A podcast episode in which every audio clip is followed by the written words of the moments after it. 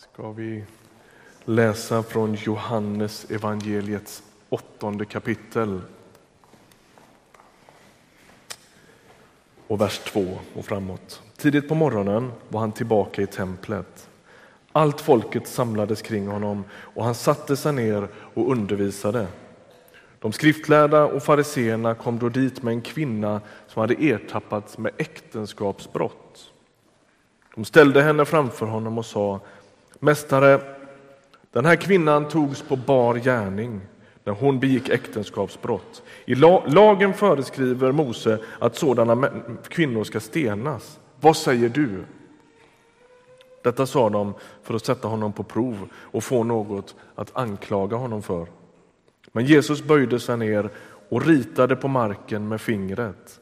När de envisades med sin fråga såg han upp och sa den av er som är fri från synd ska kasta första stenen på henne. Och han böjde sig ner igen och ritade på marken. När de hörde hans svar gick de därifrån, en efter en, de äldste först och han blev ensam kvar med kvinnan framför sig. Jesus såg upp och sa till henne Kvinna, vart tog de vägen? Var det ingen som dömde dig? Hon svarade Nej, Herre. Jesus sa Inte heller jag dömer dig. Gå nu och synda inte mer. Ska vi be? Herre, nu ber vi att du skulle få öppna oss för den här gamla, gamla texten och öppna texten för oss. Amen. Den här scenen är ju på ett sätt ganska typisk, är den inte det? Man undrar ju, en fråga anmäler sig ju direkt. Om hon har ertappats med äktenskapsbrott, var är mannen? Eller hur? Det är kvinnan som ställs inför rätta. Varför släpas inte han inför Jesus? Det kan man ju grunna på. Och så släpas den här människan fram, men de här fariseerna, de ser inte henne egentligen, utan de ser något misslyckat och framförallt de ser någonting som får tjäna som en sorts teologiskt och religiöst diskussionsunderlag. Hon blir en sorts liksom, plattform som de kan jobba med sina religiösa teorier utifrån. De ser inte en människa. De ser ett diskussionsunderlag. Och så är det som att de häver sig mot den här kvinnan, utsatt kvinna, för att komma åt Jesus. De, de är inte intresserade av henne egentligen. Och Det här inträffar gång på gång i texterna, att, att religiösa ledare egentligen har väldigt svårt att se människorna, utan de liksom använder dem som ett sorts medel. Det är ganska intressant. Sjuka och sarga människor som, liksom, som, som, som, som fariseerna använder för sina syftens skull. Och Det där står som en sorts bjärt kontrast till det som Jesus står för. När det här händer, då böjer sig Jesus ner och börjar skriva i sanden. Ni såg ju klippet på väggen innan här. Genom hela kyrkans historia har man försökt att lista ut vad det är Jesus skriver. Men kanske inte det är rätt fråga. Det kanske inte är så noga egentligen vad han skriver, det kanske inte är det som är poängen, utan poängen är att han skriver. Det finns en text i Gamla testamentet i Jeremia bok. Vi läser från 1917 års översättning därför att de har liksom använt lite andra typer av formuleringar i Bibel 2000 så att det liksom kommer bort poängen lite. Det står så här. Herren är Israels hopp. Alla som överger honom kommer på skam. Ja, de som viker av från mig, de liknar en skrift i sanden, ty de har övergett Herren, källan med det friska vattnet. Alltså, om man överger Herren, om man överger den friskheten som finns i liksom, Guds verklighet, då blir det unket och då blir man som en sorts skrift i sanden. Det blir flyktigt. Du som har eh, provat att skriva i sanden på en, på en strand, du vet att det liksom ganska snabbt försvinner. Så är det, va? När Jesus skriver i sanden så kanske inte poängen är orden, utan poängen är den där handlingen. Han skickar en tydlig signal till människor som kan sitt gamla testamente och så han, Nu är det som skrift i sanden här. Det är som om Jesus utmanar de här fariseerna i deras fullständiga brist på barmhärtighet och nåd. Och så säger han att det är inte hon, utan det är de som är ett tecken på att man har övergett Herren, källan med det friska vattnet. När fariséerna undrar över hur den här kvinnan ska dömas på ett så korrekt och kliniskt sätt som möjligt så verkar Jesus fundera mer över de här männen som står med sten i händerna. Och Det är som att han flyttar ungefär som en, en spotlight på en teaterscen så flyttar han hela ljuset från kvinnan till de här männen. Så står de där med sina sten i händerna och så faller sökarljuset på dem, på de fromma.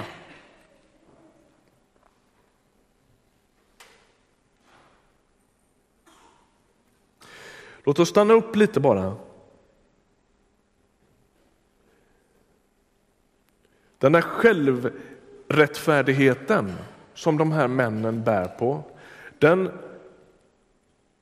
präktighet och det dömande attityd som de bär på, den verkar stänga ute männen ifrån Guds närhet mer än den stänger ute kvinnan ifrån Guds närhet.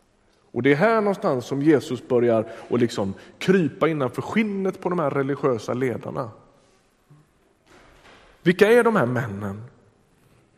När vi läser så tror jag att vi är alldeles förpräglade av en sorts Hollywood-idé om the good guys and the bad guys på något sätt. Det här är skurkarna. Riktigt så svartvitt är det inte, utan det här är ju människor som önskar göra allvar av sin tro. Det här är människor som tror på hela Bibeln som Guds ord. Det är människor som tror att Gud inte har gett upp med sitt folk. Det är människor som litar på Guds löften. Det är människor som tror på under och tecken. Det är människor som tror på himlen. Skulle kunna ha vilka frikyrkosvensson som helst egentligen. Och om inte vi vågar se det så missar vi något vä liksom väsentligt i den här berättelsen. Det här är inga monster som står där. Det är människor som söker göra allvar av sin tro och det går så fel.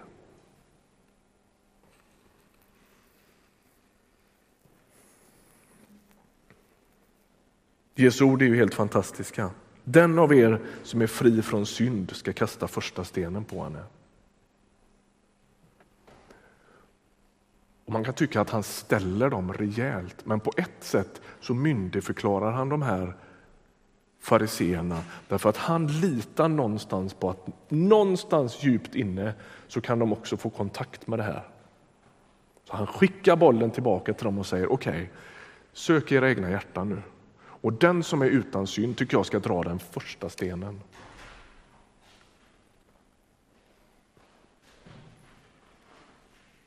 Jag tror inte att det är en tillfällighet att de äldsta lämnar först. Alltså som någonstans har kanske lite större självinsikt om sin egen ofullkomlighet. Jag kan tycka att den liksom, bottnar man allt mer i ju äldre man blir.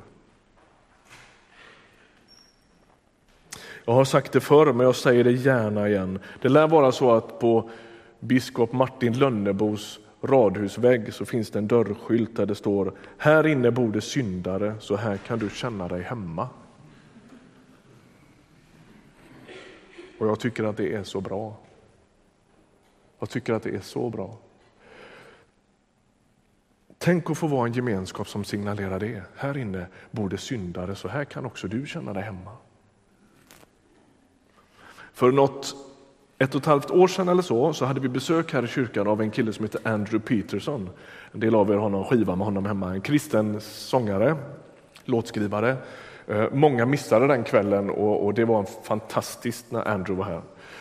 Ehm, han, efteråt så stod vi och pratade här ute lite och så frågade han, har du, har du barn? Frågade han. Ja, jag har barn. Okej, hur stora är de? Han har två tonårsbarn. Åh, jag har så små barn, hur är det att vara tonårsfarsa? sa han då. Och då, för er som vet då, så har vi ju varit med i vår familj om ungefär, nästan exakt samma historia som Meta berättade här. Hur våran Jonna kom hem 17 år gammal och berättade att hon väntar barn. Det där var ganska färskt då. Vårt barnbarn Hugo var ganska nyfödd när Andrew var här och berättade bara lite kort om den här historien. Och så säger han så här, Andrew, han, jag är också pastorsunge, sa han. Jag gjorde sån revolt mot mina föräldrar och mot min pastorsfarsa när jag var tonåring, sa han. Och så säger han så här, It's a miracle there weren't any pregnant girls in my town. Det är ett mirakel att det inte fanns några gravida småflickor i min, i min hemstad. Och för mig var det där någon sorts... Dels, dels tydde det på en viss liksom närkontakt med, med sig själv på något sätt. Va? Och så, så själavårdande att bara möta en människa som liksom sänker garden lite.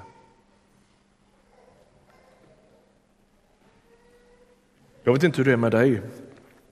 Själv får jag ständigt kämpa med det faktum att jag lever i en översexualiserad kultur. Jag tycker inte att det är helt oproblematiskt. Det går inte mig spårlöst förbi. Det tror jag inte det gör med någon här inne. Tv, film, bilder, reklam, hela grejen. Och jag tänker att det där handlar någonstans om att försöka balansera genom livet. Att inte bara resignera inför det, men att också inse att det här är inte, det här är inte enkelt.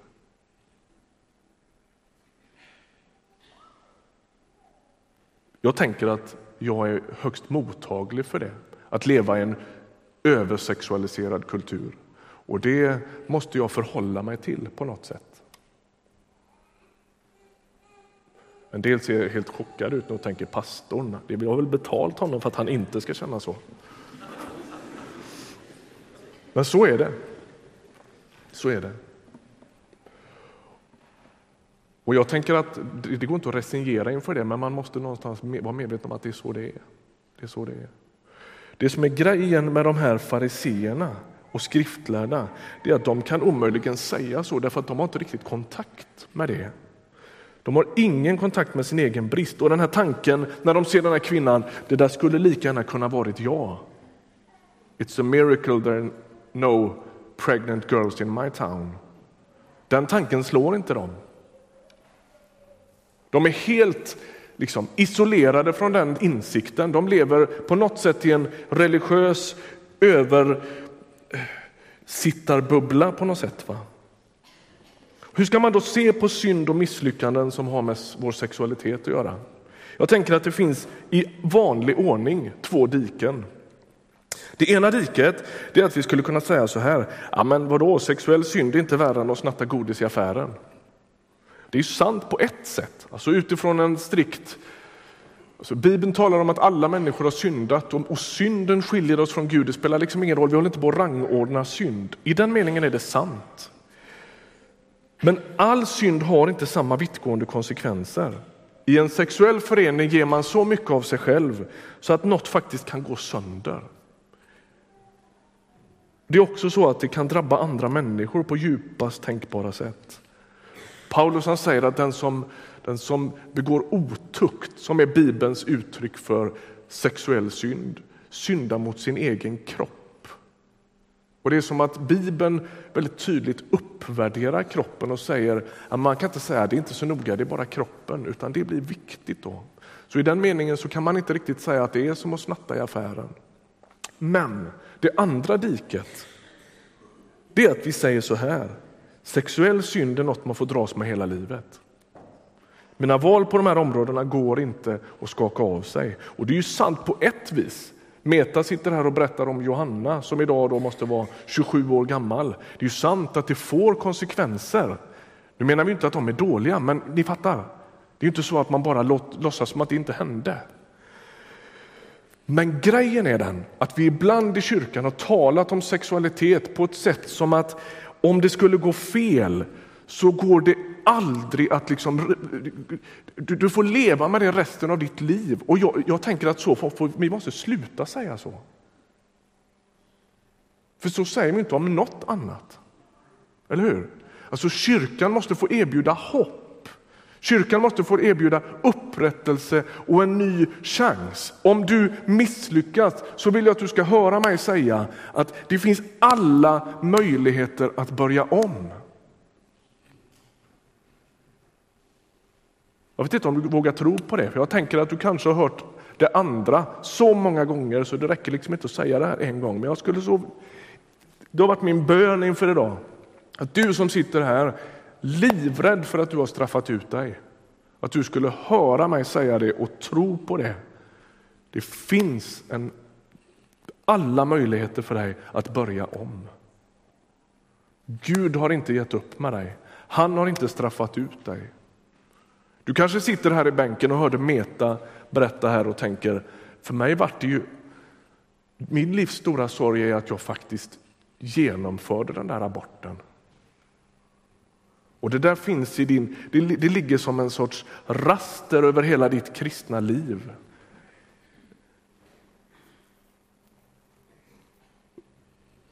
Och jag, jag skulle så innerligt väl vilja så jag önskar att Gud på något sätt skulle kunna flyga under radarn i ditt liv med alla murarna och alltihopa det där som, som jag fattar att de finns där och att han skulle få säga samma sak som han sa till den här kvinnan. Inte heller jag dömer dig.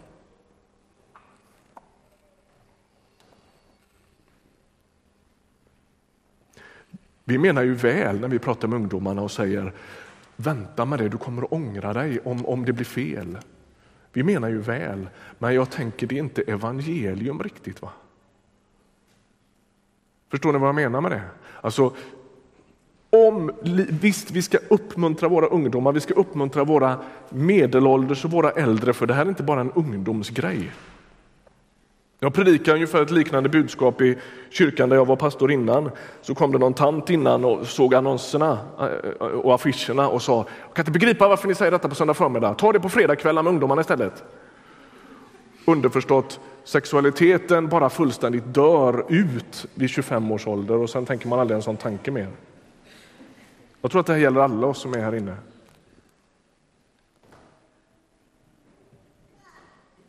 Det finns en spänning i det här. Va? Alltså, å ena sidan sexuell alltså misslyckanden som har med sexualiteten att göra eller synd som har med sexualiteten att göra formar oss. Och det är inte som man bara, något man bara lätt skakar av sig. Men det går att ångra sig, det går att omvända sig från det och det går att se hur Gud upprättar ens liv. Gud kan göra allt nytt. He's the God of second chances. Du som sitter och tänker jag har bränt alla mina chanser. Nej, det har du inte. Du har inte det. Fariseerna de dömer ju inte den här kvinnan. Och Orsaken till att de inte gör det, det är att fast de ville så bjöds inget tillfälle. För Jesus är det tvärtom. Jag vet inte om du har tänkt på det när du läst den här berättelsen någon gång. Den som är utan synd. Det råkar ju stå en i den där cirkeln som faktiskt är det. Eller hur? Och han gör tvärtom. Fariséerna, de vill, men de bjuds inget tillfälle. Jesus han har tillfället, men han vill inte. Han dömer inte heller. Om du bara kommer ihåg en enda mening från idag så vill jag att det är den här. Det finns ingen synd som Gud inte kan eller vill förlåta. Det finns ingen synd som Gud inte kan eller vill förlåta. Äktenskapsbryterskan blir upprättad. Hon får nåd, hon får förlåtelse, men hon får också kraft att börja om, att faktiskt börja leva annorlunda. Hon försonas med Gud, hon försonas med sig själv. Och det är som om, för, för, för, har, du, har du tänkt på vad som står i slutet på den här texten? Inte heller jag dömer dig, gå nu och synda inte mer. Det är som om Jesus myndigförklarar den här kvinnan och säger du kan, du kan med Guds hjälp leva annorlunda nu. Men det börjar inte där. Det börjar med att hon känner att, att hon erfar att Gud är god. Att Gud inte har straffat ut henne. Att Gud, att Gud inte har satt henne i någon sorts karantän. Utan att hon faktiskt är sedd av Gud och att Gud ropar över hennes liv. Jag dömer dig inte. Det börjar där. Och så ger det en sorts kraft att leva på nytt sätt. Jag ska snart avsluta. I Hebreerbrevet 11 så finns en fantastisk uppräkning. Hebreerbrevets eh, författare eh, räknar upp människor som kallas för trons hjältar. Här står Abraham och, och Noa med, står Mose med och David och alla möjliga står med här. Och så står det så här i vers 30. Genom tron, han har jobbat med alla möjliga bilder från Gamla testamentet om tro. Genom tron föll Jerikos murar sedan man hade gått runt dem i sju dagar. Genom tron undgick skökan Rahav att dödas tillsammans med dem som vägrade tro, ty hon hade tagit emot spejarna som vänner. Lyssna nu. När Hebreerbrevets författare räknar upp trons giganter och trons hjältar och människor som blir en sorts förebilder för tro i Gamla testamentet, då finns skökan Rahab med där. Jag tänker att det finns mycket tröst i det. Inget liv är så förfuskat eller så trasigt att det inte kan upprättas. Vem platsar egentligen i kyrkan? Om jag gör det, så gör du det. Om jag gör det, så gör du det. Det är det som är hela grejen med fariseerna, att inte de fattar det. Om, om Gud vore en sån despot att han dömde ut kvinnan på det sättet, då skulle inte de heller ha en chans.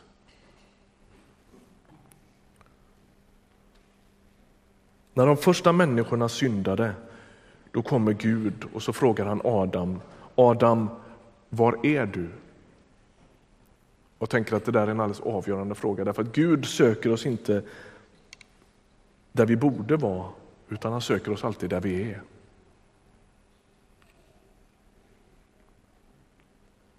Han kallar på oss, han inbjuder oss, han kommer oss till mötes i vår brist, i vår trasighet. Och hans ärende är att han vill förlåta oss, han vill befria oss, han vill upprätta oss, han vill omskapa oss till det han har tänkt att vi ska vara. Och du som sitter i bänken här och identifierar dig med den där kvinnan. Jag önskar så att du skulle höra hur Gud ropar över ditt liv. Inte heller jag dömer dig. Du som sitter i bänken och kanske snarare identifierar dig med religiösa män med sten. Jag kan nog känna igen mig i båda. Det bor både en eh, misslyckad syndare och en skenhelig farisé i mitt hjärta på samma gång. Hoppas att du skulle kunna få kontakt med det där, att också över ditt liv ropa Gud, jag dömer dig inte.